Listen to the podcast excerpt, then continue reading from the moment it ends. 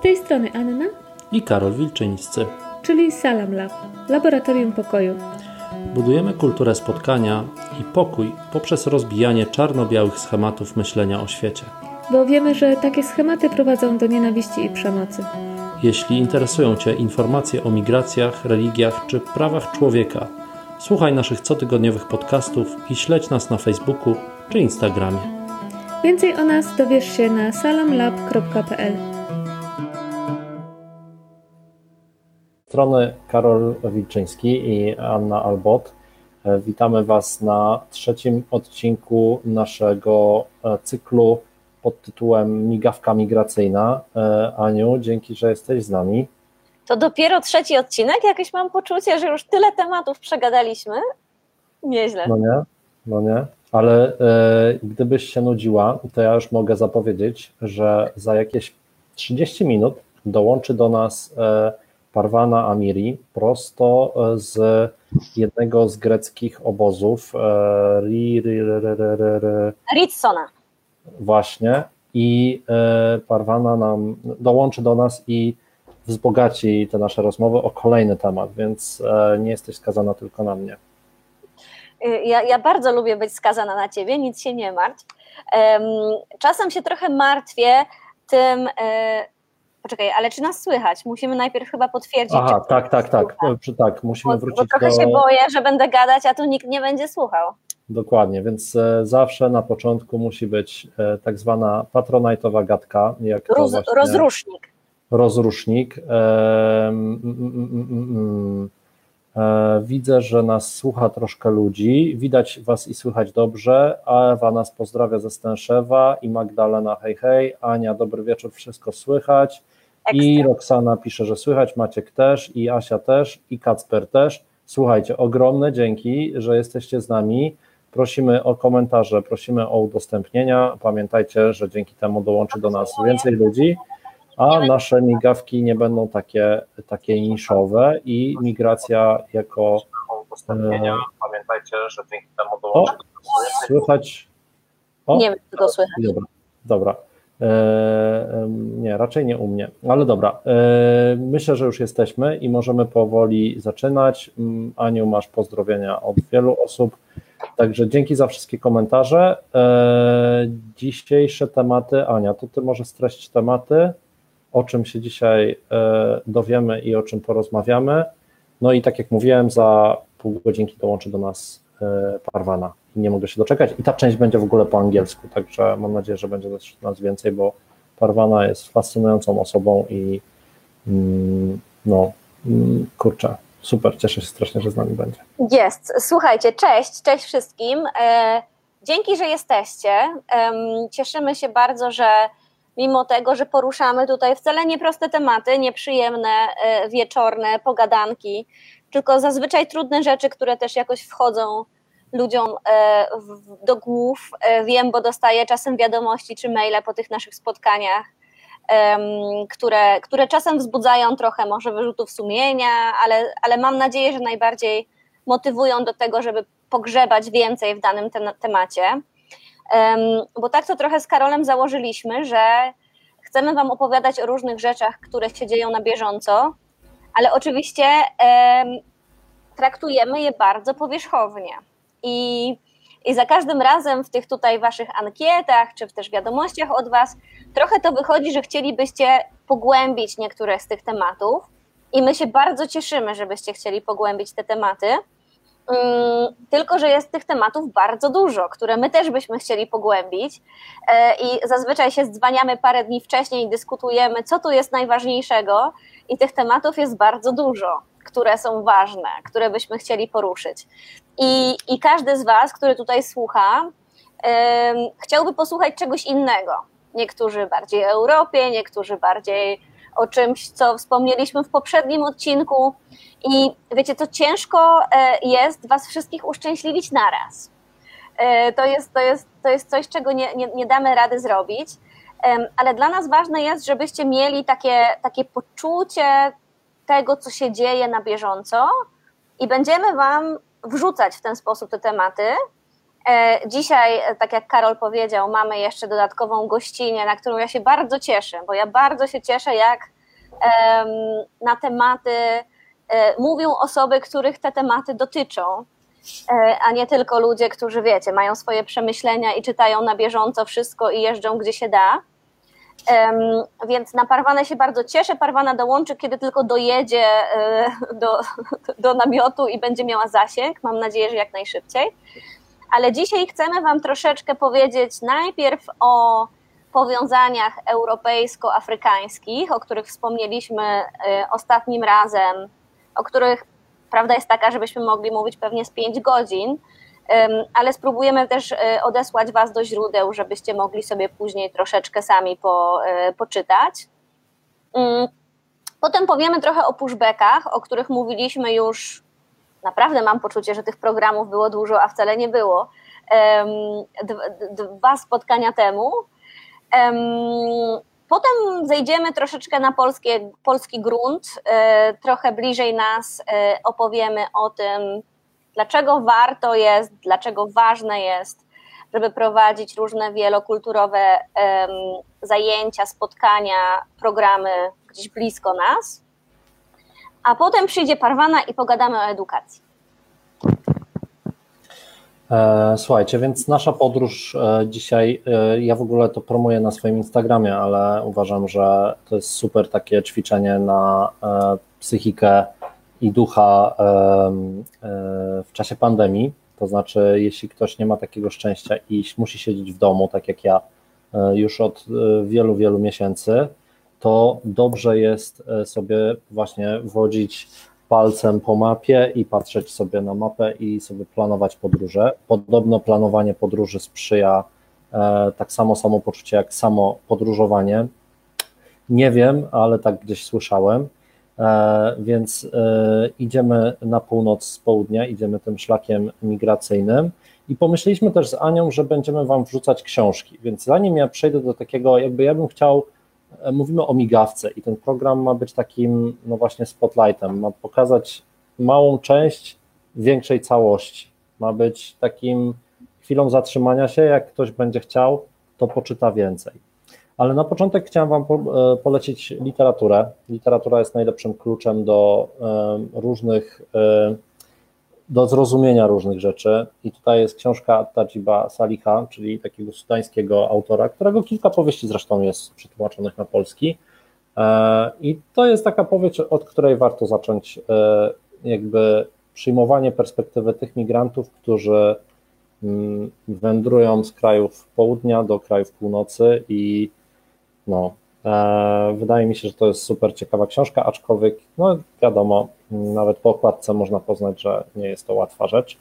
E, I mm, jeszcze zanim zacznę, to już Ania nie konsultowałem z Tobą przed, więc mam nadzieję, że mi wybaczysz, ale ostatnio, ostatnio sobie kupiłem taką, taką mapę. I to jest mapa e, z 1886 roku, czyli tuż po konferencji w Berlinie powstała na której to konferencji wszystkie e, mocarstwa kolonialne europejskie podzieliły Afrykę na te linie, które właśnie widzicie. I jak widzicie, prawie tych linii nie widać. I dlaczego ich nie widać? Dlatego, że to wszystko, co jest w środku, tutaj, tutaj jest Maroko, jakby ktoś nie widział, tutaj e, troszkę w drugą stronę jest Algieria i od Algierii na południe rozciąga się ogromne imperium kolonialne Francji. I e, pokazuję tę mapę też dlatego, niektóre tutaj, Nigeria na przykład jest brytyjska, e, tutaj e, w tym miejscu i tam kilka takich malutkich kolonii portugalskich i hiszpańskich. Natomiast e, większą część Sahelu i większą część Afryki Zachodniej skolonizowała Francja i to w straszny sposób. Jakby historia kolonializmu, myślę, że ja mógłbym o tym długo gadać, bo mnie interesuje historia, ale historia kolonializmu jest straszna i tak naprawdę jakby naszym zadaniem jest pokazywać, że ta historia się wcale nie skończyła. Ta historia cały czas trwa i ta historia właśnie cały czas powoduje, że te kraje są biedne, że te kraje nie są w stanie wyzwolić się spod wpływu dawnych potęg kolonialnych, a jeśli są, to wpadając po prostu w macki innych nowych y, potęg kolonialnych, takich jak aktualnie Chiny czy Stany Zjednoczone.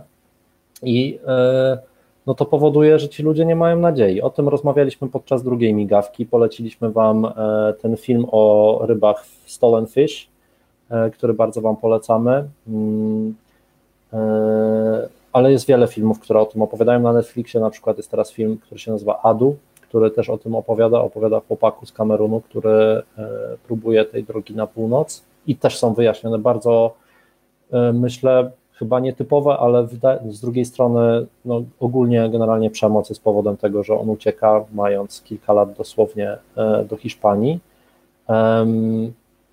I takim wydarzeniem, które miało miejsce w ostatnim czasie, Aha, nie przypomnieliśmy, ale wy pamiętajcie, piszcie w komentarzach swoje, e, swoje pytania i, i swoje uwagi. Wątpliwości, uwagi, tak, wszystko, tak, tak. wszystko. Albo jeśli tak. macie na przykład książki, które warto przeczytać, filmy, które warto obejrzeć właśnie na ten temat, albo na te tematy, o których będziemy później rozmawiać, słuchajcie, zróbmy tutaj e, bibliotekę i podzielmy się tym, co, co znamy, bo ja nie wszystko znam i też czasami trafiam przypadkowo zupełnie na coś, co jest generalnie rewolucją w myśleniu o różnych rzeczach, a, e, a okazuje się, że wszyscy to znali, a ja jakoś nie trafiłem, więc jakby bardzo się cieszę na wszystkie polecenia. Ale tym wydarzeniem, które, które mnie zmroziło i które, e, które z jednej strony ucieszyło, bo, bo wreszcie ktoś się tym zainteresował, bo nawet widziałem to na TVP Info.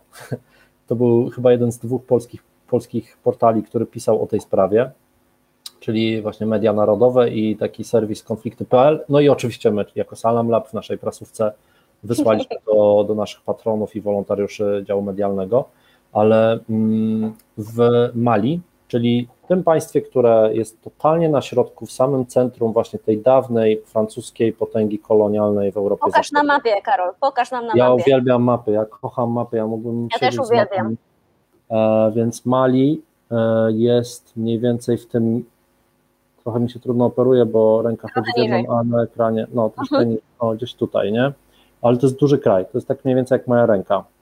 E, I to Mali, e, e, które uzyskało niepodległość 70 lat temu, do tej pory jest tak naprawdę rozrywane przez różne rebelie, bo oczywiście granice są od, od linijki, jak spojrzycie na mapę tych granic Mali, no to, to tam raczej się Europejczycy nie, e, nie chcę mówić brzydko. No znaj, znajdź dobre słowo, znajdź dobre słowo. E, nie patyczkowali się mm, z e, robieniem granic, tylko po prostu kładli linijkę, pyk i tutaj Tuaregowie żyją z jednej i z drugiej strony, Berberowie żyją z jednej i z drugiej strony, Arabowie i tak dalej, i tak dalej. W każdym razie Mali jest pełne surowców, tak jak każdy kraj Sahelu. Tam jest i ropa, i jest i gaz, E, w sąsiednim Nigrze są ogromne złoża uranu, na których oczywiście położyła rękę Francja, która, jak pewnie wiecie, czerpie swoją główną energię właśnie z ogromnych elektrowni atomowych, największych w Europie, i właśnie ten uran, który jest w Nigrze, musi zostać zabezpieczony, no bo uranu nie ma we Francji, więc muszą sobie skądś sprowadzać. No a mm, jeśli Niger by go zaczął sprzedawać, dajmy na to Stanom czy Chinom, no to Francja już by go nie miała tak tanio, no więc e, tworzy się różne takie układzi, układy, układziki, które mają na celu to, że, że właśnie ostatecznie zabezpiecza to interes, interes dawnej potęgi kolonialnej. I tutaj moglibyśmy wchodzić w szczegóły, ale tak jak Ania mówiła na początku, uznaliśmy, że kogo to interesuje, można o tym, jest naprawdę bardzo dużo materiałów. Ania ma świetną książkę, którą za chwilę pokażę e, do polecenia. Mm, natomiast wydarzenie, które mną wstrząsnęło, to jest nalot, które przeprowadziło francuskie lotnictwo e, na początku tego roku. E, mm, pierwsze doniesienia się pojawiły 7 stycznia, prawdopodobnie to było troszeczkę wcześniej. E, w każdym razie francuskie lotnictwo dokonało nalotu na wieś Bounty, E, w północnej części Mali e, i e, Francuzi poinformowali wtedy, że ostrzelali grupę malijskich bojowników, które w tym ataku miało zginąć 30 osób i mieli to być oczywiście słowo klucz terroryści.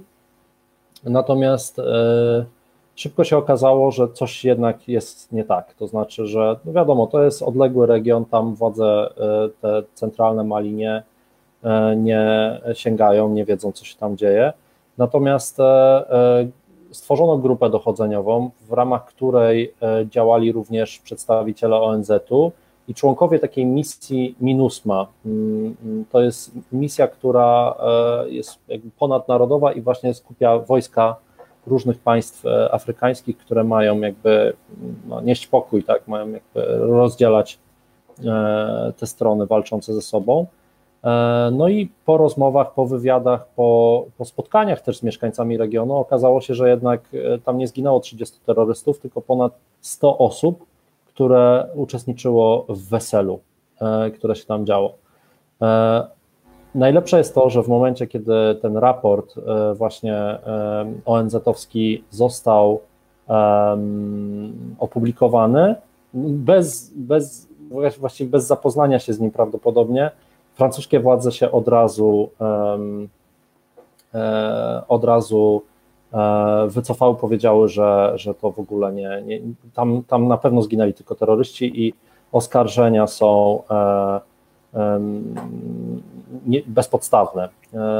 Nawet obecna potem minister sił zbrojnych francuska podczas wizyty w stolicy Mali w Bamako E, stwierdziła, że e, honor naszych żołnierzy nie może być splamiony w ten sposób, czyli właściwie włączyła jakąś taką retorykę, chyba dawno niespotykaną w ogóle w dyskusji. No w każdym razie e, nie jest to oczywiście pierwszy taki przypadek, że lotnictwo europejskie czy amerykańskie ostrzeliwuje wesele i w czasie tego wesela giną ludzie. To się działo w Afganistanie dosyć często. To się niedawno wydarzyło, pamiętam, w Jemenie, gdzie lotnictwo akurat saudyjskie bombardowało mm, pod pozorem właśnie ataku na terrorystów. Prawdopodobnie wśród ofiar były osoby zamieszane w jakoś w jakieś grupy, które, e, które nie są przyjazne tym centralnym rządom, no, będących często koalicjantami potęg zachodnich, na pewno Francji, e, więc prawdopodobnie ktoś tam zginął, kto był zamieszany w jakieś takie grupy e, bojowe, natomiast przy okazji zginęło wielu niewinnych cywilów. I to jakby no, sam błąd armii, no wojna, wojna niestety taka jest, że bardzo często giną przy niej, podczas niej cywile, ale zachowanie właśnie i takie, takie lekceważące, takie wyższościowe podejście rządu francuskiego do tej kwestii, całkowite zignorowanie też raportu, no jakby świetnie pokazuje właśnie mm, podejście tych tych państw Zachodu do, e, do ludności i do tych mm, państw e, Sahelu, które, które no od lat tak naprawdę nie są niezależne i, i niestety nie są w stanie zbudować też takiej niezależności e, w sensie gospodarczym. Ania, ty miałaś tą książkę, ja już nie mówię, jest, bo już... To jest w ogóle fantastyczna książka, która jeszcze nie wyszła po polsku, ale ponoć są takie plany. Um, o tym, jak Unia Europejska e, używa sobie kraje afrykańskie do tego, żeby e, outsource, czyli e, przekazać dalej tą odpowiedzialność e, za tematy migracji. Tak? Unia Europejska e, jakiś czas temu stwierdziła, nie radzimy sobie z tematem, za dużo osób przybywa do Europy, co tu zrobić? Jak to zrobić, żeby nie nie mieć e, brudnych rąk, e, jako my, Europejczycy. I zdecydowała się wydać, z tego co pamiętam, 8 miliardów euro mm, na to, żeby ktoś inny zajął się tematem, czyli ludzie, którzy przychodzą z Afryki, przechodzą przez różne kraje, oczywiście głównie, głównie przez Saharę e, do Europy. Jak to zrobić, żeby to oni się tam na miejscu zajmowali tematem, żeby zatrzymywali ludzi? No i, no nie wiem, niektórzy mogliby powiedzieć, to jest dobry pomysł, ale prawda jest taka, że wysyłając europejskie pieniądze do Libii czy do Sudanu, Unia Europejska wspiera dyktatorów, tak? Bo jeżeli przekazujemy samochody, sprzęt, drony, um, um, trenujemy policjantów, organizujemy wszystko to po to, żeby teoretycznie migrację wstrzymać. Prawda jest taka, że te kraje tylko na tym rosną. No i, i e, były takie sytuacje właśnie jak z Sudanem, e, kiedy, kiedy Unia Europejska nie rozmawiała z prezydentem Sudanu e, wcale przez wszystkie zbrodnie w związku z Darfurem, no, no i w ogóle, no tak, to nie, nie, nie jest to partner do rozmowy politycznej dla Unii Europejskiej, a nagle po decyzji komisarza europejskiego Timmermana zdecydowali się wejść w takie układy, ale właśnie tylko z tymi krajami, poprzez które ludzie przechodzą albo z których ludzie idą, nie z innymi. To jest bardzo ciekawe, jak się spojrzy statystyki, które kraje dostały ile pieniędzy, mm, żeby właśnie, żeby zatrzymać e, migrację. Ja bardzo, bardzo polecam tą książkę. Jest też na podstawie tej książki jest zrobiony taki dokument Deutsche Welle, pokażę Wam jeszcze raz tytuł, który trwa 40 minut.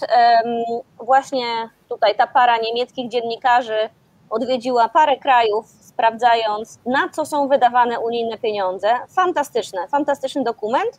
E, online e, bez problemu sobie go znajdziecie tylko szlak was trafi, jak go obejrzycie, bo, bo to są nasze europejskie pieniądze e, wydawane na coś absolutnie przerażającego. Hmm. E, to jest mnóstwo komentarzy. E, bardzo no, za nie dziękujemy. Wolfgang Bauer przez morze z Syryjczykami do Europy i jeszcze jest 40 batów za spodnie. To jest książka, to jest historia dziennikarki Sudanki skazanej za chłostę, na, chłost, e, na chłostę, na karę chłosty za noszenie spodni. Um, ja także to są, te, to są polecenia od, akurat dwie nasze patronki to poleciły, więc ja mogę w ciemno brać. E, ja jeszcze od siebie oczywiście mogę polecić e, Patricka Kingsleya, Nowa Odyseja, wydana po polsku dla tych, którzy mm, nie czytają po angielsku albo się nie czują jakoś tak super to Nowa Odyseja, opowieść o kryzysie uchodźczym w Europie. To już jest książka, która liczy troszkę lat, ona nie jest najnowsza, ale cały czas te historie, które, no jest świetny reportaż, znaczy to, to, jest, e, to jest dobra rzecz, e, wydana w Polsce. E, I Karola, Karola, która jest naszą graficzką i naszą współpracowniczką wspaniałą, pisze, Udało mi się kiedyś odwiedzić Mali. Podróżowałem ze szwedzkimi żołnierzami, którzy udawali się tam na misję pokojową. Nasza załoga była eskortowana, załoga samolotu, bo Karola była e, stewardessą, była eskortowana do hotelu pod okiem ochroniarzy z kałasznikowami. To było trzy lata po ataku, o którym e, mówił Karol, jednak w powietrzu czuć było dużą niepewność i napięcie. Karola, ja mówiłem o ataku, który miał miejsce w tym roku. Teraz dopiero. E, teraz, w styczniu. To jest nowa rzecz. E, ta wyprawa już na zawsze zmieniła mój punkt widzenia na wiele spraw. Wiadomo, super by było, gdybyśmy mogli e, zobaczyć na własne oczy, nie? To jest jakby zawsze najlepsze, najbardziej pouczające doświadczenie. To jest ten element, ale... który bardzo zmienia, tylko że ile osób ma taką okazję, prawda? No, ale można spotykać się z uchodźcami i można e, słuchać tych, którzy tutaj dotarli i słuchać ich głosu i ten głos jest słyszany właśnie choćby w tych książkach czy w tych filmach. Jeśli macie więcej filmów i, i, i książek, które można, um, można przeczytać, można obejrzeć, to, to wrzucajcie, a my jedziemy dalej do Bośni. Już za moment. Jeszcze tylko jedną rzecz chciałam powiedzieć e, a propos, a propos przechodzenia przez Afrykę do, do, do Europy. To, co my czytamy, słyszymy w wiadomościach o Morzu Śródziemnym, tak? Widzimy, ile, ile łodzi wypływa i nie dopływa, ile jest y, uratowanych, ile nie jest uratowanych. To są, to są numerki, które nas przytłaczają, tak? Jeżeli słyszymy, tak jak w ostatnim tygodniu, o, o kolejnej y, łodzi, która, która była znaleziona już tylko jako resztki ja, ja, ja, jestem bardzo słaba w numerkach, więc nie przypomnę sobie, nie powiem Wam, ile osób już od tego, od 1 stycznia w tym roku, ile osób utonęło w Morzu Śródziemnym. To za każdym razem, jak słyszycie informacje z Morza Śródziemnego, które dotyka Europę i dlatego słyszycie te wiadomości, pomyślcie sobie o pustyni Saharze, na której umiera trzy razy więcej osób niż na morzu. Hmm. Sahara jest. Yy, jest jednym wielkim grobem. za każdym razem, jak widzicie taką wielką, e, przeludnioną łódź na morzu, to trzy razy więcej ciężarówek tego typu przejeżdża przez pustynię. Tylko o tym już nikt nie mówi, bo po pierwsze jest to trochę dalej od Europy, a po drugie to są właśnie te kraje, z którymi Unia Europejska współpracuje, do których strach teraz jechać, żeby nawet stamtąd e, robić jakieś materiały, dlatego takiej Libii na przykład nie ma dziennikarzy, nie mamy informacji z Libii, bo tam nie ma dziennikarzy. Ciekawe, czy coś teraz zmieni, no bo jest nowy rząd, więc może, może coś się uda zmienić pod tym względem. No właśnie, właśnie sobie pomyślałam, że, że, że jak zaczynam o tym mówić, to już mnie, to już mnie tak tutaj wszystko porusza, że, że chciałabym zmienić na jakiś taki bardziej pozytywny temat, no ale następny temat na, e, w naszym tutaj planie dzisiejszym to są pushbacki. Parwana jest tym pozytywnym. Jest naszym Parwana pozytywnym. będzie na koniec, jak tylko dojedzie. Słuchajcie, um, mówiliśmy podczas naszego pierwszego spotkania o pushbackach. Mam nadzieję, mam nadzieję że um, wiecie, co to są pushbacki? Nie wiem, dajcie tutaj znać w tych komentarzach może, czy, czy, czy wyjaśniać, czy nie wyjaśniać, bo to jest, bo to jest taki temat dla mnie absolutnie może... oczywisty, a, a, a niekoniecznie dla wszystkich. Może na, najpierw dwa, trzy zdania i zobaczymy. Jak będzie trzeba więcej wyjaśnić, to najwyżej to zrobimy. Ale w pierwszym odcinku naszej migawki było takie podstawowe wyjaśnienie, więc zapraszamy tych, którzy nie wiedzą. E, znajdziecie nas też na YouTubie i na Spotify'u, więc jak ktoś e, chce, to można słuchać jako podcast, ale e, może, może idźmy, bo jest już w pół do, więc Parwana zaraz nas. Jasne. Pushbacki to, jest, to są takie nielegalne praktyki stosowane przez ludzi na granicach, żeby zatrzymać uchodźców, którzy przechodząc przez granicę chcą aplikować o azyl, chcą się starać o pozwolenie bycia w danym kraju każdy człowiek, który przechodzi przez granicę i mówi policjantowi czy strażnikowi granicznemu: Dzień dobry, chciałbym aplikować o azyl, powinien mieć taką możliwość. W praktyce, szczególnie ostatnie trzy lata, szczególnie na granicach Unii Europejskiej, pokazują, że e, to jest e, już bardzo nieistniejący zapis przeróżnych konwencji E, prawoczłowieczych, e, bo na e, wszystkich granicach bałkańskich, wszystkich co do jednej, odbywają się pushbacki, które są nie dość, że akceptowane, to nawet bardzo dobrze zorganizowane.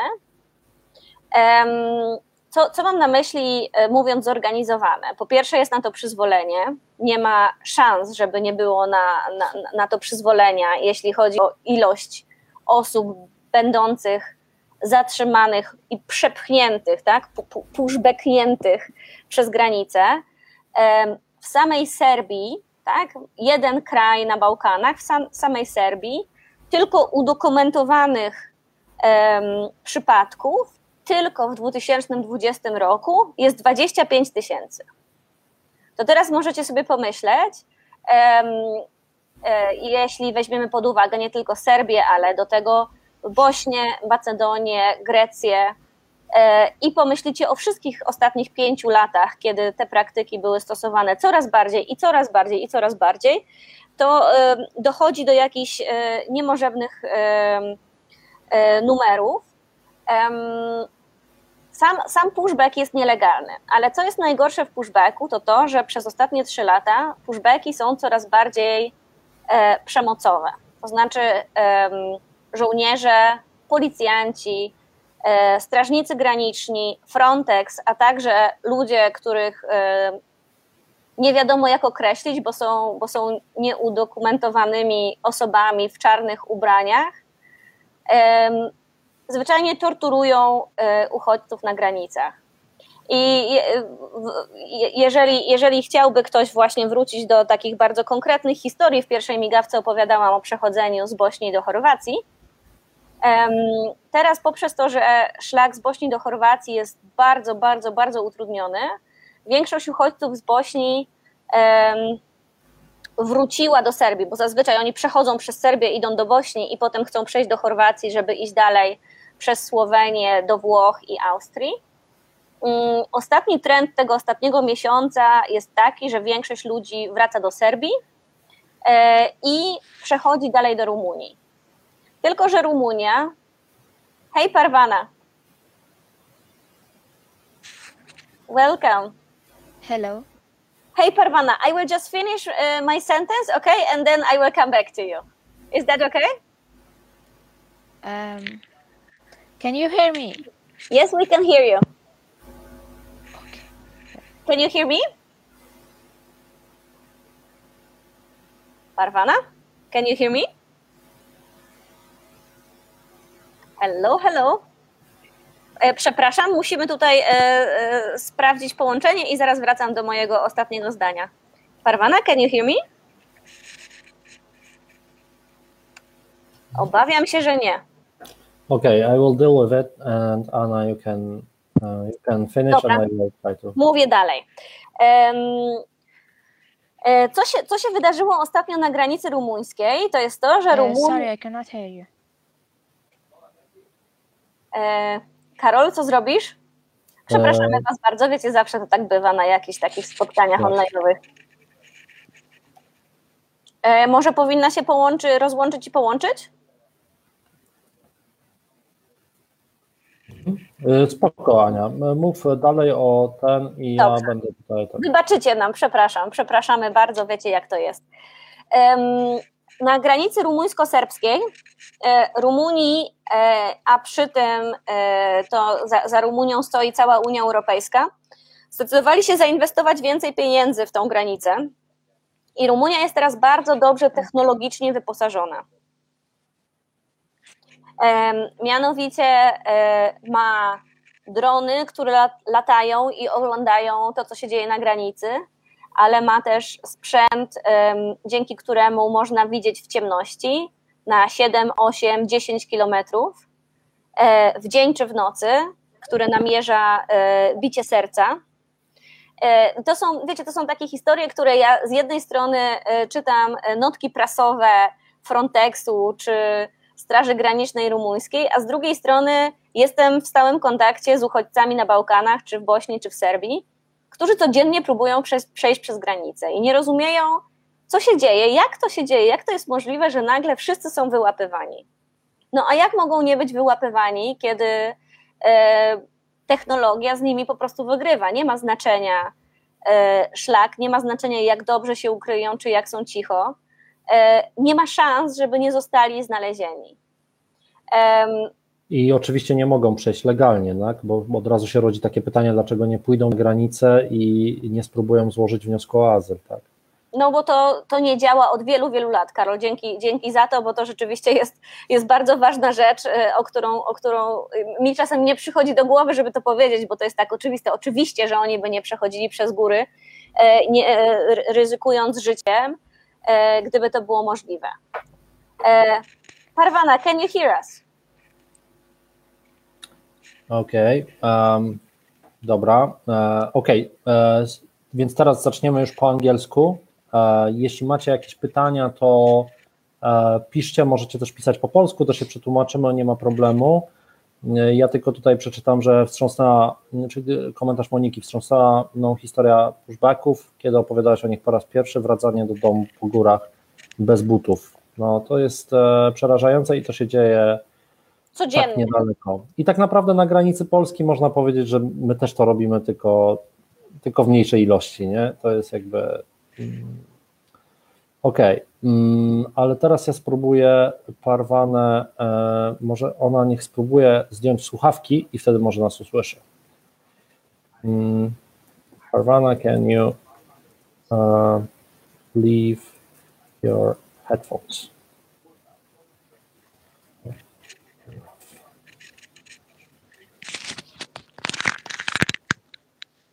Okay. Parvana, can you hear us right now?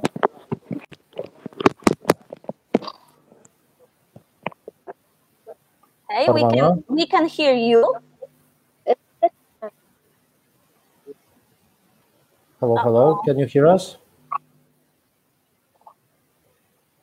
Halo, halo. Słuchajcie, zostańcie z nami. e, Obiecuję, że będzie warto. Jeśli uda nam się połączyć, ale nawet jak się nie uda, no to, to coś wymyślimy. Um,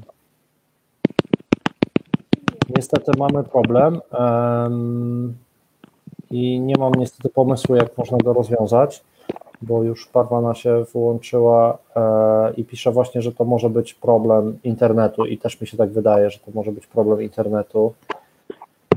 E, Jak widzicie, możemy podziwiać wnętrze namiotu e, w obozie dla uchodźców. Nie wiem, czy kiedykolwiek byliście w takim namiocie, ale e, to przynajmniej e, możecie e, wirtualną mieć podróż do takiego obozu, do którego chyba nie ma wstępu e, zbyt wiele osób, prawda? W sensie to jest tak, że, że tam nie mogą ludzie z zewnątrz wchodzić tak sobie. E, tak, tak sobie nie, o nie mogą, ale to, em, to ma też sens, bo chodzi też o ochronę ludzi, którzy są w danym obozie. E, Ale e, w tym roku wejście do obozu nie tylko Ritsona, ale jakiegokolwiek innego jest wielkim wyzwaniem, bo oczywiście e, koronawirus jest poza tym, że wielkim problemem, to jest też świetną wymówką, żeby odcinać uchodźców jeszcze bardziej od rzeczywistości i nawet osoby, które robią momentalnie test i próbują wejść do obozu są zatrzymywane. Ja byłam, ja byłam w tym obozie e, kilkukrotnie, odwiedzałam Parwanę w tym właśnie pokoju, w którym ona siedzi teraz. Mm, Parwana jest e, e, bardzo ważną częścią tego obozu. Parwana nie boi się mówić o tym, jaka jest sytuacja. Tam widzimy jej siostrę w tle, druga siostra i brat. E, Będę Wam wszystko opowiadać na bieżąco. Będę tym takim podkładem głosowym do Parwany. E, Parwana jest 17-latką, e, która przybyła z Afganistanu do Grecji, jeśli się nie mylę, dwa lata temu. Chciałabym, żeby ona, ona Wam o tym opowiedziała.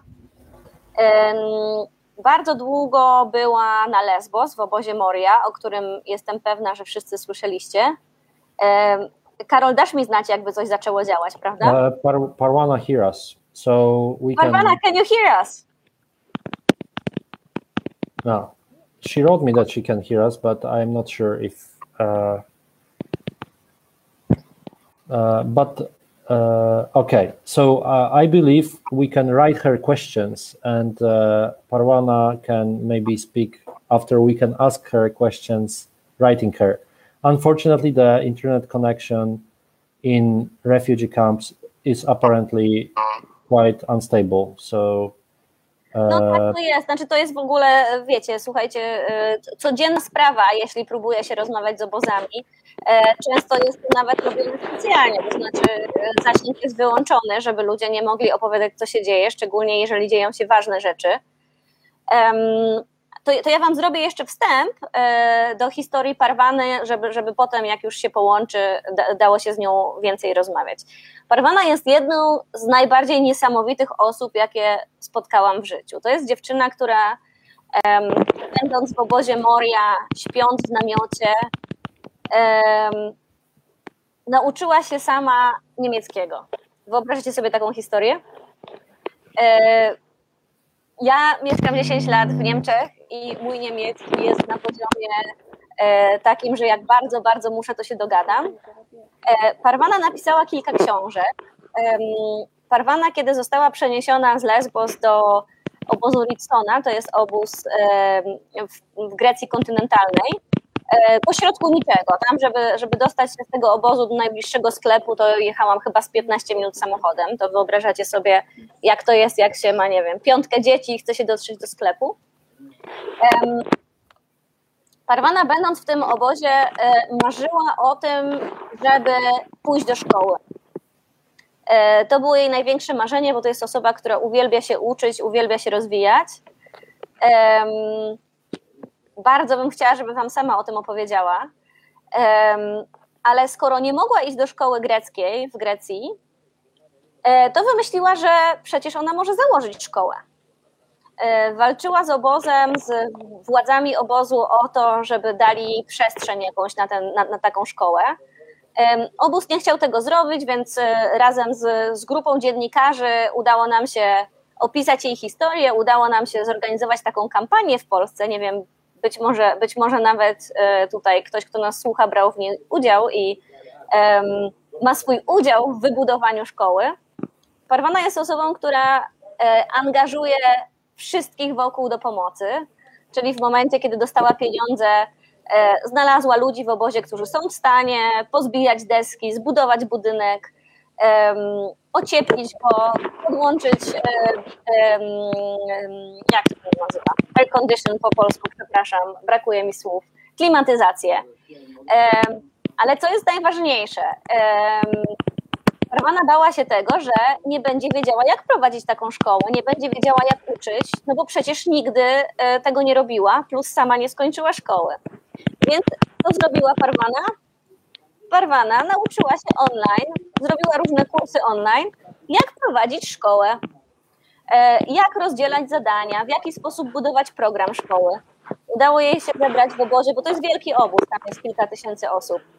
Udało jej się zebrać takiego kogoś, kto mówi trochę po angielsku, kogoś, kto mówi trochę po niemiecku, kogoś, kto mówi trochę po grecku i postanowili dzielić się tą wiedzą. Szkoła działa od kilku tygodni. To jest no, nie- nie- niesamowita sprawa. Co, znaczy, dla, mnie, dla mnie najbardziej niesamowite to jest to, skąd ona bierze na to energię i motywację. I za każdym razem, jak ja z nią o tym rozmawiam, to ona mi wysyła zdjęcie z jakichś zajęć. Na przykład wczoraj wysłała mi zdjęcie takiego kręgu, nie wiem, dziesięciu starszych kobiet, y, które dyskutują, w jaki sposób informować innych o sprawach takich jak COVID, nie? Jak się coś dzieje w obozie, w jaki sposób szybko tłumaczyć na różne języki, żeby jak najwięcej osób się o, o tym dowiedziało. I wysłała mi takie zdjęcie tych kobiet siedzących w kręgu w tej szkole naszej wspólnej i napisała, to jest właśnie moja odpowiedź, stąd mam motywację do, do działania.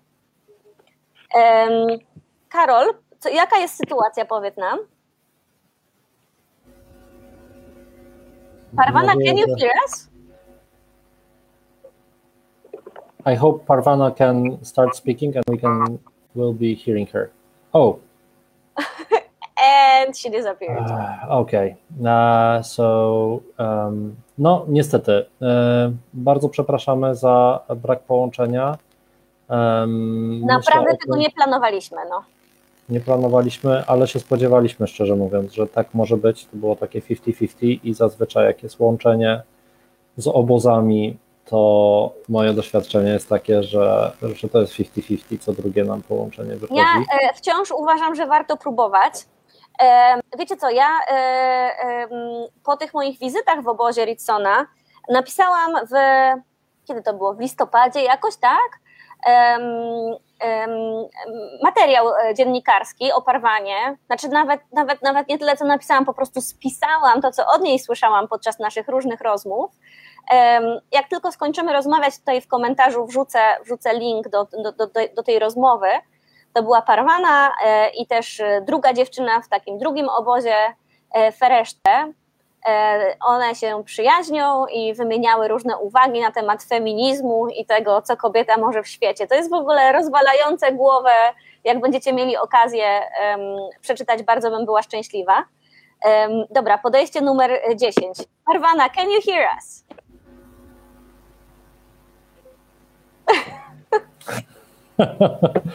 nie, nie.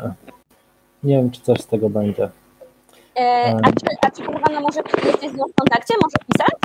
I ja z nią cały czas piszę i jak widać e, właśnie jej napisałem, żeby zaczęła mówić po prostu, bo Ona, ona, się, ona się bardzo przejmuje zawsze takimi sytuacjami, bo zawsze e, chce, żeby wszyscy Hello, byli szczęśliwi. Uh, thank you very much for your invitation. I'm really glad uh, to meet all of you. I am Parwana Amiri uh, from Afghanistan. Uh, I am author, poet, and refugees human rights activist from Afghanistan. And currently, I live in uh, Ritsona camp with my family. And uh, one year ago, I was in Moria camp for four months, uh, uh, in the uh, refugee camp in Lesbos. And after being assisted as a vulnerable family, we could get transferred to Ritsona camp. In here,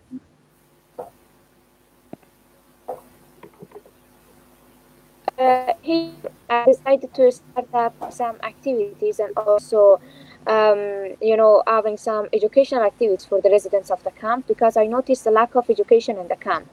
And it was really um, serious for me to see that a lot of people are out of uh, education, and uh, as I was also one of them, and it has been for three years that I am out of public school and formal education.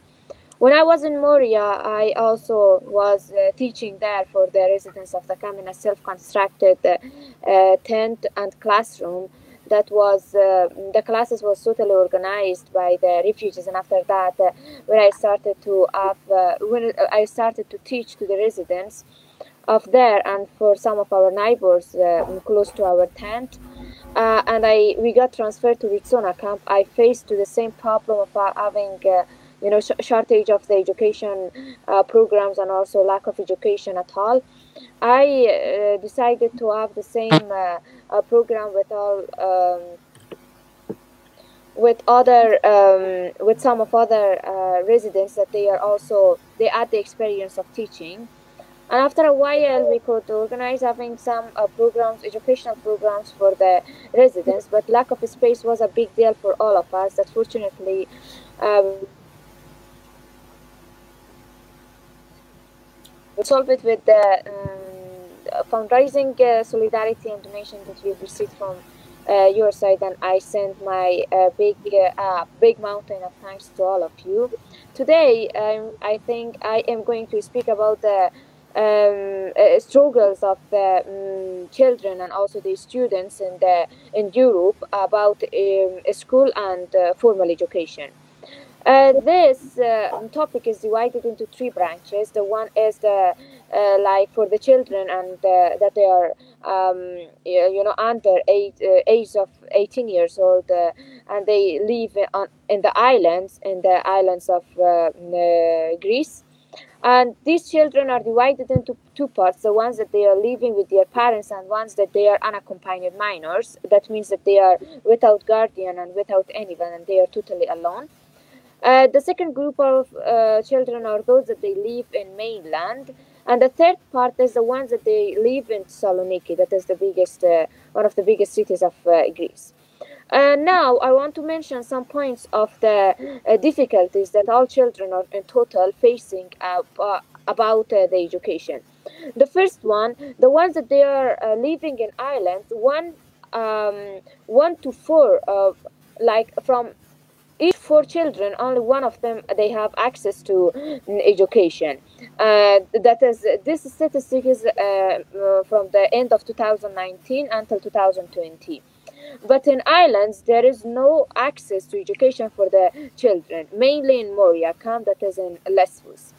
After that the ones that they live in mainland that are uh, mostly the people that they are vulnerable and they had a case of having like serious uh, medical condition or any kind of special case that they could get transferred from the island the camps of island in mainland they live in some of them they live in apartments some of them they live in squats and some of them in the hotels or in the um, you know reception centers.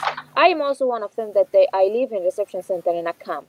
The ones we as people who live in the camp the main problem that camps cause in the case of education not only in other parts like about the social connection that we cannot have with the local people but about the education the main problem is that it is located far from the town and also um, it is uh, uh far from the um, local residential areas that has caused the sorry I faced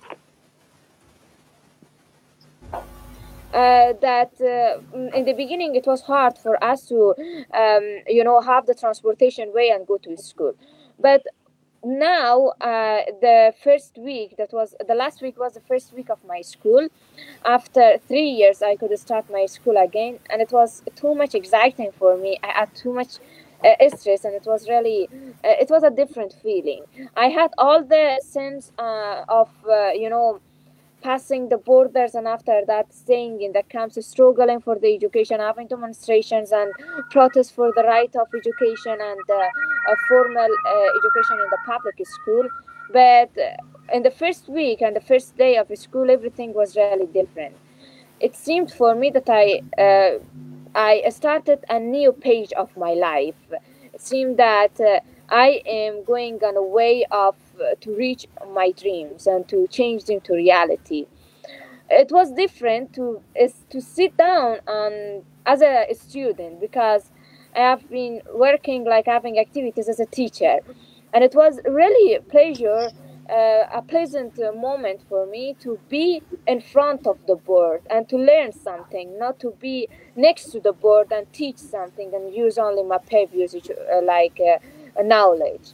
So, and uh, to know that uh, it is it was a chance for me to integrate with the local society to speak with other people with the greek students the local students and also to know that I was to live in a town and I was to be in a mm, you know to be far from the camp.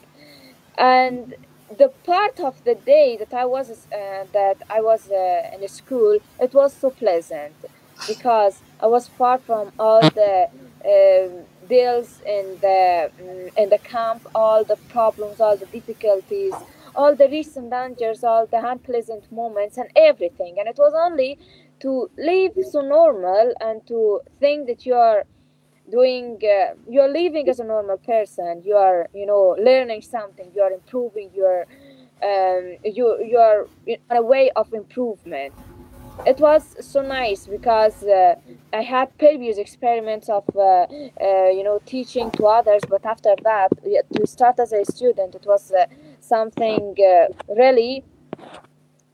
Um, to sorry for that. Uh, to start like having my own way as a student was very nice. I think I have a question that says that if I can take part in the lessons uh, uh, of in the school in Poland. Um, I don't know really about it. Like, how can it be possible? Because at the moment, I don't like if it is uh, the online classes sure if there is a possibility about that that will be really nice to uh, take part because uh, i have already got the chance to attend on the online classes that are uh, from germany from some uh, german universities or some german uh, schools and i am really happy because it is a way of you know learning something. And to have a teacher it is very nice you know because in many of the mm, things that i have learned it is self-learning the things and you know uh, self-educating. Um, but uh, if there will be a possibility to attend to the online classes in the um, uh, like in the schools of poland that will be a very um, a very great chance for me to have the to have this uh, you know opportunity. And the second okay uh, we have a question from monica. It says that do you have any education program for kids inside the camp or any outside the camp in local schools? Um, okay in the classes uh, we have the uh, program for the children. Uh, we have different programs for example, the handicrafts we make with, with the children and with the while making things like um, uh, having like physical activities, we are teaching the English language and some uh, Greek uh, words and phrases to them. And also, we have the mathematics class for the children and also the uh, Persian uh, class for them in order to know how to read and write in Farsi because uh, they couldn't have this chance in their origin uh, country in Afghanistan. And after that, when they were in Iran, many of the many of them have been living like a refugee for other countries as well, and they didn't have the chance. So they can they don't know how to uh, write and read in a Farsi language. So we are trying to teach them. And so yes, these are the activities that we do for the kids, and it starts from the age of seven years uh, six years old to uh, 10 or 11 and after that it is uh, like uh, uh, pre-children's uh, students that we have. Thank you very much for this question.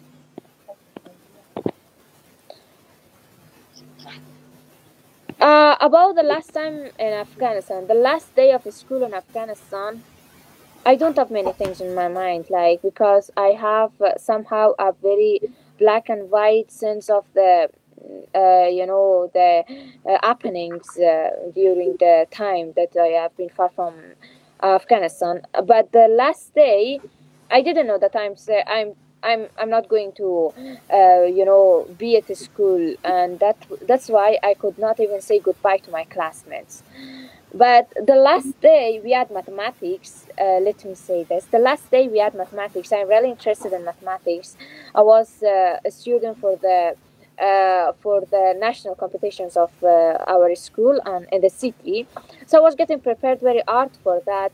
Our teacher, that he was also psychologist, he asked me that what do you want to study in the future and what do you want to study in the uni- university. I said. Uh, like my family wants me uh, to uh, study um, you know medical department but i'm not interested in medical de- department i'm interested in engineering I say that you're really uh, you know you're really fit on uh, engineering but don't uh, forget that you should follow your dream um, I was really interested in engineering, but after that, when the way of my life was changed, I think my interest also changed, and uh, I like mathematics. Still, I am also. Uh, I got the chance to have the registration in the competition, and in the May of May, I'm going to pass uh, one of the competitions in Athens. But uh, mm, but more than that, I'm interested in uh, sociology and also the, soci- the, so- the so- social part and also uh, the par- the political science. I'm interested, and after that, uh, when also we had the uh, the last day we also had the poetry class, the, the literacy. I was also interested in electricity, and at that time, uh, when I was writing some poems, many of my uh, classmates were thinking as I get the poems from internet, but it was not like that.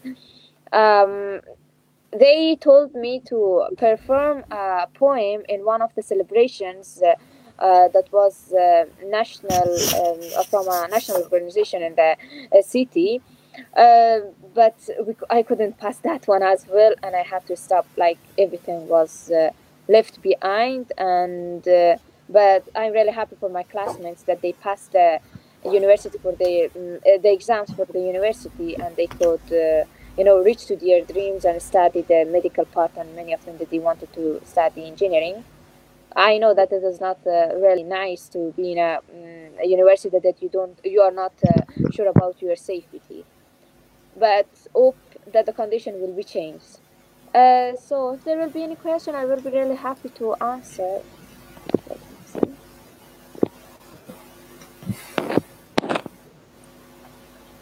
Um,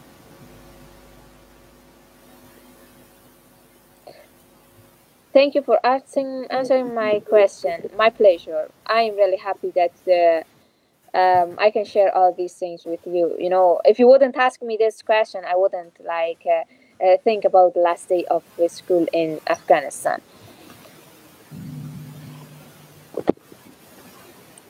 Um, why is it uh, crucial for refugee kids to go to school?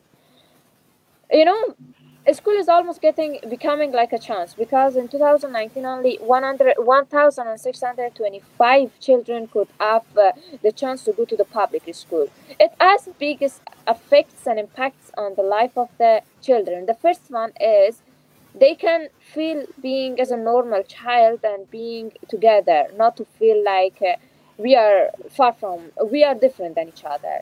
And many of the children became disappointed. Many of them get uh, uh, got depressed of being far from all these uh, you know uh, common rights and also these kind of programs. The second one is the age of the children is um, getting high like the ones that they came to the uh, country and they were to the to Greece and they were almost uh, 16 or 17 years old. Now after being two one or two years in Greece now they are 18 and they lost the chance of getting uh, having the mm, you know access to public uh, education. So and there is no chance for them also to be in the university. However for those that they can go to school after having one year or two years in the public school they can have the university. And it is a great chance but those that they are they lost their chance they are only struggling to find a way in order to get uh, this opportunity another one is it is a matter of uh, you know taking part in life and you know um, if the mm, like education system is a system that it uh, can make many other changes. For instance, if the children can go to school, the perspective of the local community can become a bit uh, open and clear about uh, the refugees that they live, not to, uh, you know, think about them as a separated group of people who are uh, located in the specific areas far from the town or far, far from the local residenting areas. And the fourth point, the third point is that uh, like this we can integrate with the community. We can speak and communicate with each other. We can have a better understanding from each other and uh, uh, like it will also give us the opportunity to find jobs in the future. Um, but like without education and school nothing nothing will be uh, we can reach to nothing you know? Uh, we cannot reach to those uh, dreams that the jobs that we wanted to have the majors that uh, the mm, the majors that we wanted to study in the university and all the big dreams that we have had in our minds from the first day of leaving our country and the hope of having uh, you know uh, access to the formal education. So education for us is everything. Education is a keyboard and a weapon of making change.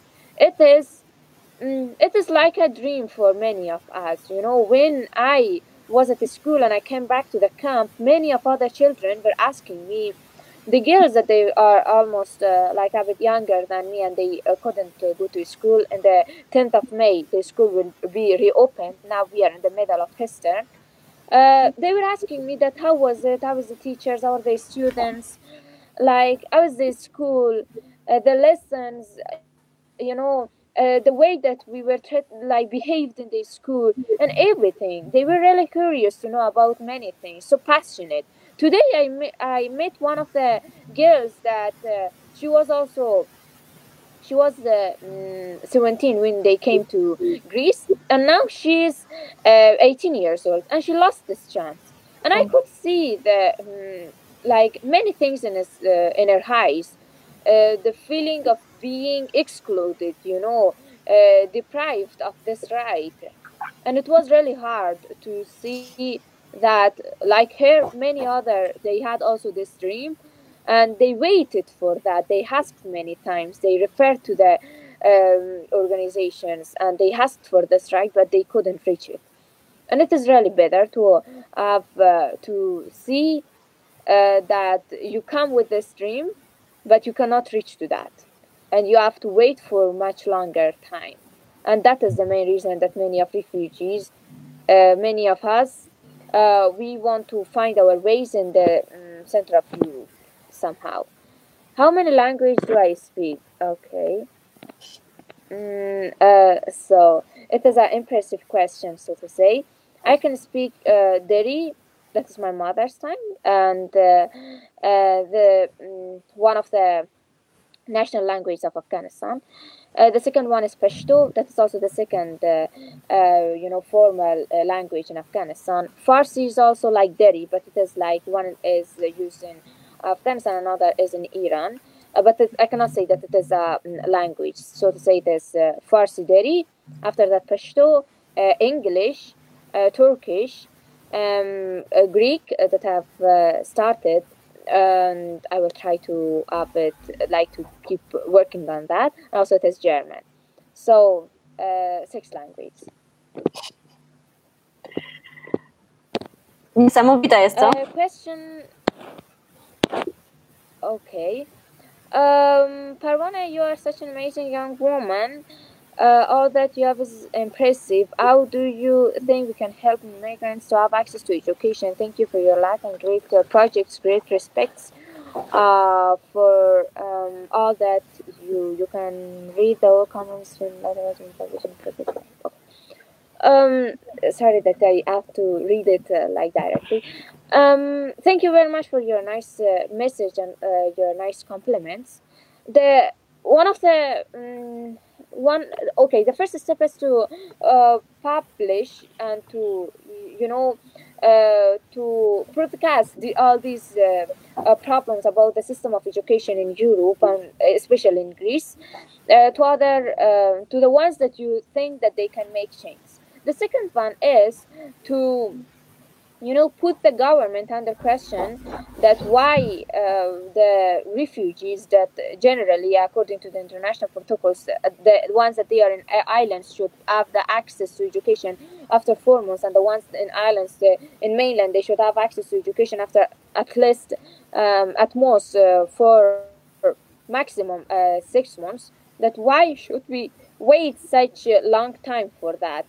And also to take some steps and actions for that. There are some uh, actions uh, that is uh, from some organizations that is for the uh, right of education. Recently i am working for the uh, for a action to sign a petition for the um, you know to uh, reflect the problem of the education. And also to uh, find some uh, you know the basic solution is to spread this problem with others and after that to open this discussion and make it public. Uh, because as long as this problem uh, will stay hidden there will not be any change and it will uh, stand uh, like it will stay the condition will stay as it is.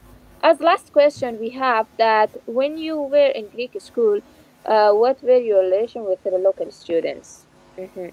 In the beginning, I didn't know any one of them, but they are really nice. They are really respectful, and uh, some of them were trying to come in the classroom and say hi to us, and uh, some of them were trying to introduce themselves. I had the chance to go to the other classes uh, as well to attend in the other classes uh, because I knew some uh, somehow the Greek language, uh, and in that classroom they were really respectful um, and I think it was a bit strange for them as well because it was the first time to see the um, after a long time to have the students like the refugee students in their school. Hmm. Okay, more power to you, dear friend Parwana Amiri. Thank you, thank you very much. Thank you very much for your nice message, and thank you very much for giving me this chance to speak about the problems of education. Hope there will be uh, there will be a chance for all of us to speak about our uh, condition and also to express somehow some moments that we are experiencing, maybe in the camps, maybe in the school, because you know the having the right of self uh, expression and to having a right to have uh, to be able to speak and to raise your voice is it should be it should be a right it should not be a, a struggle to uh, you know reach for. And you know as if we have our voice and we can speak in our uh, and speak and express ourselves so there is no other reason to be represented. And i think this is the um, this is you know this is uh, this is the time to give the refugees a voice, not to represent them. Uh, because if they can speak and if they can express themselves, let us to do that because it will make a better understanding of ourselves and it will be a better understanding of you about us. Uh, please someone call Nobel uh, Committee Parana is uh, uh, Parana I am lost for words. This is the best uh, practice everyone should hear about your work. Thank you very much. I feel really honored to be with you and to have this chance. And I hope that, that we refugees will have the chance to speak about our story, about our background, not to be represented as only the people who left their country and a vulnerable uh, group of the um, you know community. Because we have our own dreams we want to reach to. We have our own goals we want to reach to. And we don't want them to stay as a dream. We want to change them to reality. And you can do it. I can see this hope in your actions. And i believe that it will happen. Let me ask. Uh, my biggest dream um, my dream with the goals that I've set up is to find a way uh, to um, see all refugees are living in one community and they are integrated in the same society in everywhere that they are. That locals and refugees are living together because it will reduce many of the problems. and uh, I think I know that it is possible, and the condition should not stay in the same condition. And after that, uh, to show that it is a responsibility of every and each human being to bring peace in this world, because we, as young generation and the next generation, we will wait for that, and we will. Mm, and hope it will not be a struggle from the beginning of our life. I hope that next generation will not have the uh, you know will not be forced to stand for what they don't have. And and i believe to change and i know that it will be possible. If we could change the asylum procedure in Ritsona camp uh, and totally the story of the asylum procedure it will be also possible to make change in the system of the uh, life for the refugees in the local community Parvana, can you hear me? Thank you very much. I send a big mountain of thanks to all of you, and thank you very much again for this chance. Have a nice evening, and thank you. Bye. Thank you very much, Parwana. Thanks, Parvana. Em, Słuchajcie, Wydaje się, że tak, chyba nas nie słyszy Parwana, więc e, no, niestety musimy się tak z nią pożegnać. no bardzo, bardzo szkoda, że tak wyszło, że nie daliśmy rady, wiecie, i tłumaczyć, i rozmawiać w tym samym czasie, ale bardzo nam zależało na tym, żebyście, żebyście poznali Parwanę. Em, tak jak pewnie wszyscy em, jesteście pod wrażeniem, jak każda osoba, która Parwanę poznaje, pamiętajcie, że to jest siedemnastolatka siedząca w obozie dla uchodźców, e, za której plecami przechodzi siostra na łóżko piętrowe. Za każdym razem, kiedy, kiedy będziecie myśleć o siedemnastolatkach w obozach dla uchodźców, które siedzą gdzieś w namiocie czy w baraku, przypomnijcie sobie Parwanę, która, która ma tak niesamowitą siłę, ale ma też tak niesamowitą wolę, żeby się uczyć, e, żeby, żeby tłumaczyć, żeby rozmawiać z ludźmi. Em, em, Jestem pewna, że wszyscy o niej kiedyś jeszcze usłyszymy. Jeżeli, jeżeli byście chcieli jakoś wspierać Parwanę, dajcie znać, bo, bo możliwości jest bardzo dużo. E, To jest bardzo zajęta dziewczyna, ale ostatnio, ostatnio odezwała się do mnie dziewczyna z Krakowa, która powiedziała: Kurczę, nie mamy jak przesyłać pieniędzy e, na tą waszą szkołę, ale może, może ludzie mają materiały naukowe, książki do angielskiego, farby, kredki i, i tak dalej, i tak dalej. Udało nam się wysłać e, 100 kg materiałów do szkoły Parwany, które, które zawsze będą potrzebne. Nie, nie miałam w planach teraz tutaj promować e, różnych zbiórek, ale chcę Wam tylko dać znać, że zawsze jest szansa, żeby wesprzeć osoby takie jak Parwana. Karol, no a dla mnie i dla Ciebie to jest super ważne, żeby nie mówić o systemie edukacji w Grecji bez, bez osób takich jak ona, prawda? Tak, no i e, ja na pewno też e, zapraszam e, nauczycieli, uczniów, żeby się zgłaszać i na pewno Parwanę możemy przywieźć wirtualnie do polskich szkół i jeśli mielibyście ochotę, to z pewnością też zbierzemy właśnie kasę na to, żeby wesprzeć w zamian jej szkołę i no, mm, z pewnością taka lekcja byłaby też life changing, tak myślę, więc e, dopóki jesteśmy zamknięci w domach i dopóki jesteśmy wirtualnie w szkołach, to spotkania z gośćmi ja realizuję siebie w szkole i to jest super sprawa i też cały czas mamy ten program lekcji pokoju i to się odbywa. No i wiadomo, że zapraszamy osoby z doświadczeniem uchodźczym, które mówią raczej po polsku, ale myślę, że są klasy starsze, tam druga, trzecia liceum, które na pewno sobie e, z angielskim poradzą i Parwana, jak słyszeliście, mówi super. Także jeśli chcielibyście, to się zgłoście na salamlab.pl ukośnik współpraca i Mhm. przypominamy też, że Parwanę możecie w ogóle obserwować na Instagramie, tam jest Parwana Amiri Official i na Twitterze Parwana podkreśnik Amiri i tam możecie e, sobie po prostu ją obserwować na co dzień i patrzeć, jak się cieszy z swojej e, szkoły. Koniecznie, koniecznie. I e, bardzo nam zależało na tym, żeby e, wszyscy słuchający też rozumieli to, co mówi Parwana. Mieliśmy w planie tłumaczenie na polski jej odpowiedzi. Więc przepraszamy bardzo tych, którzy, którzy się zawiedli i nas nie rozumieli, ale po prostu technicznie okazało się, że to niemożliwe i musieliśmy zdecydować, żeby, żeby Parwana mówiła do, do, do, do ekranu, nie słysząc nas. Słuchajcie, nie chcemy Was dłużej zatrzymywać, już ponad godzinę gadamy. Spotykamy się e, w czwarty poniedziałek miesiąca, czyli to w maju wypadnie 24 maja. E, za tydzień spotykamy się e, również na spotkaniu w języku angielskim. Przypadły nam do gustu te angielskie spotkania, więc pewnie raz w miesiącu takie spotkanie się też będzie odbywać.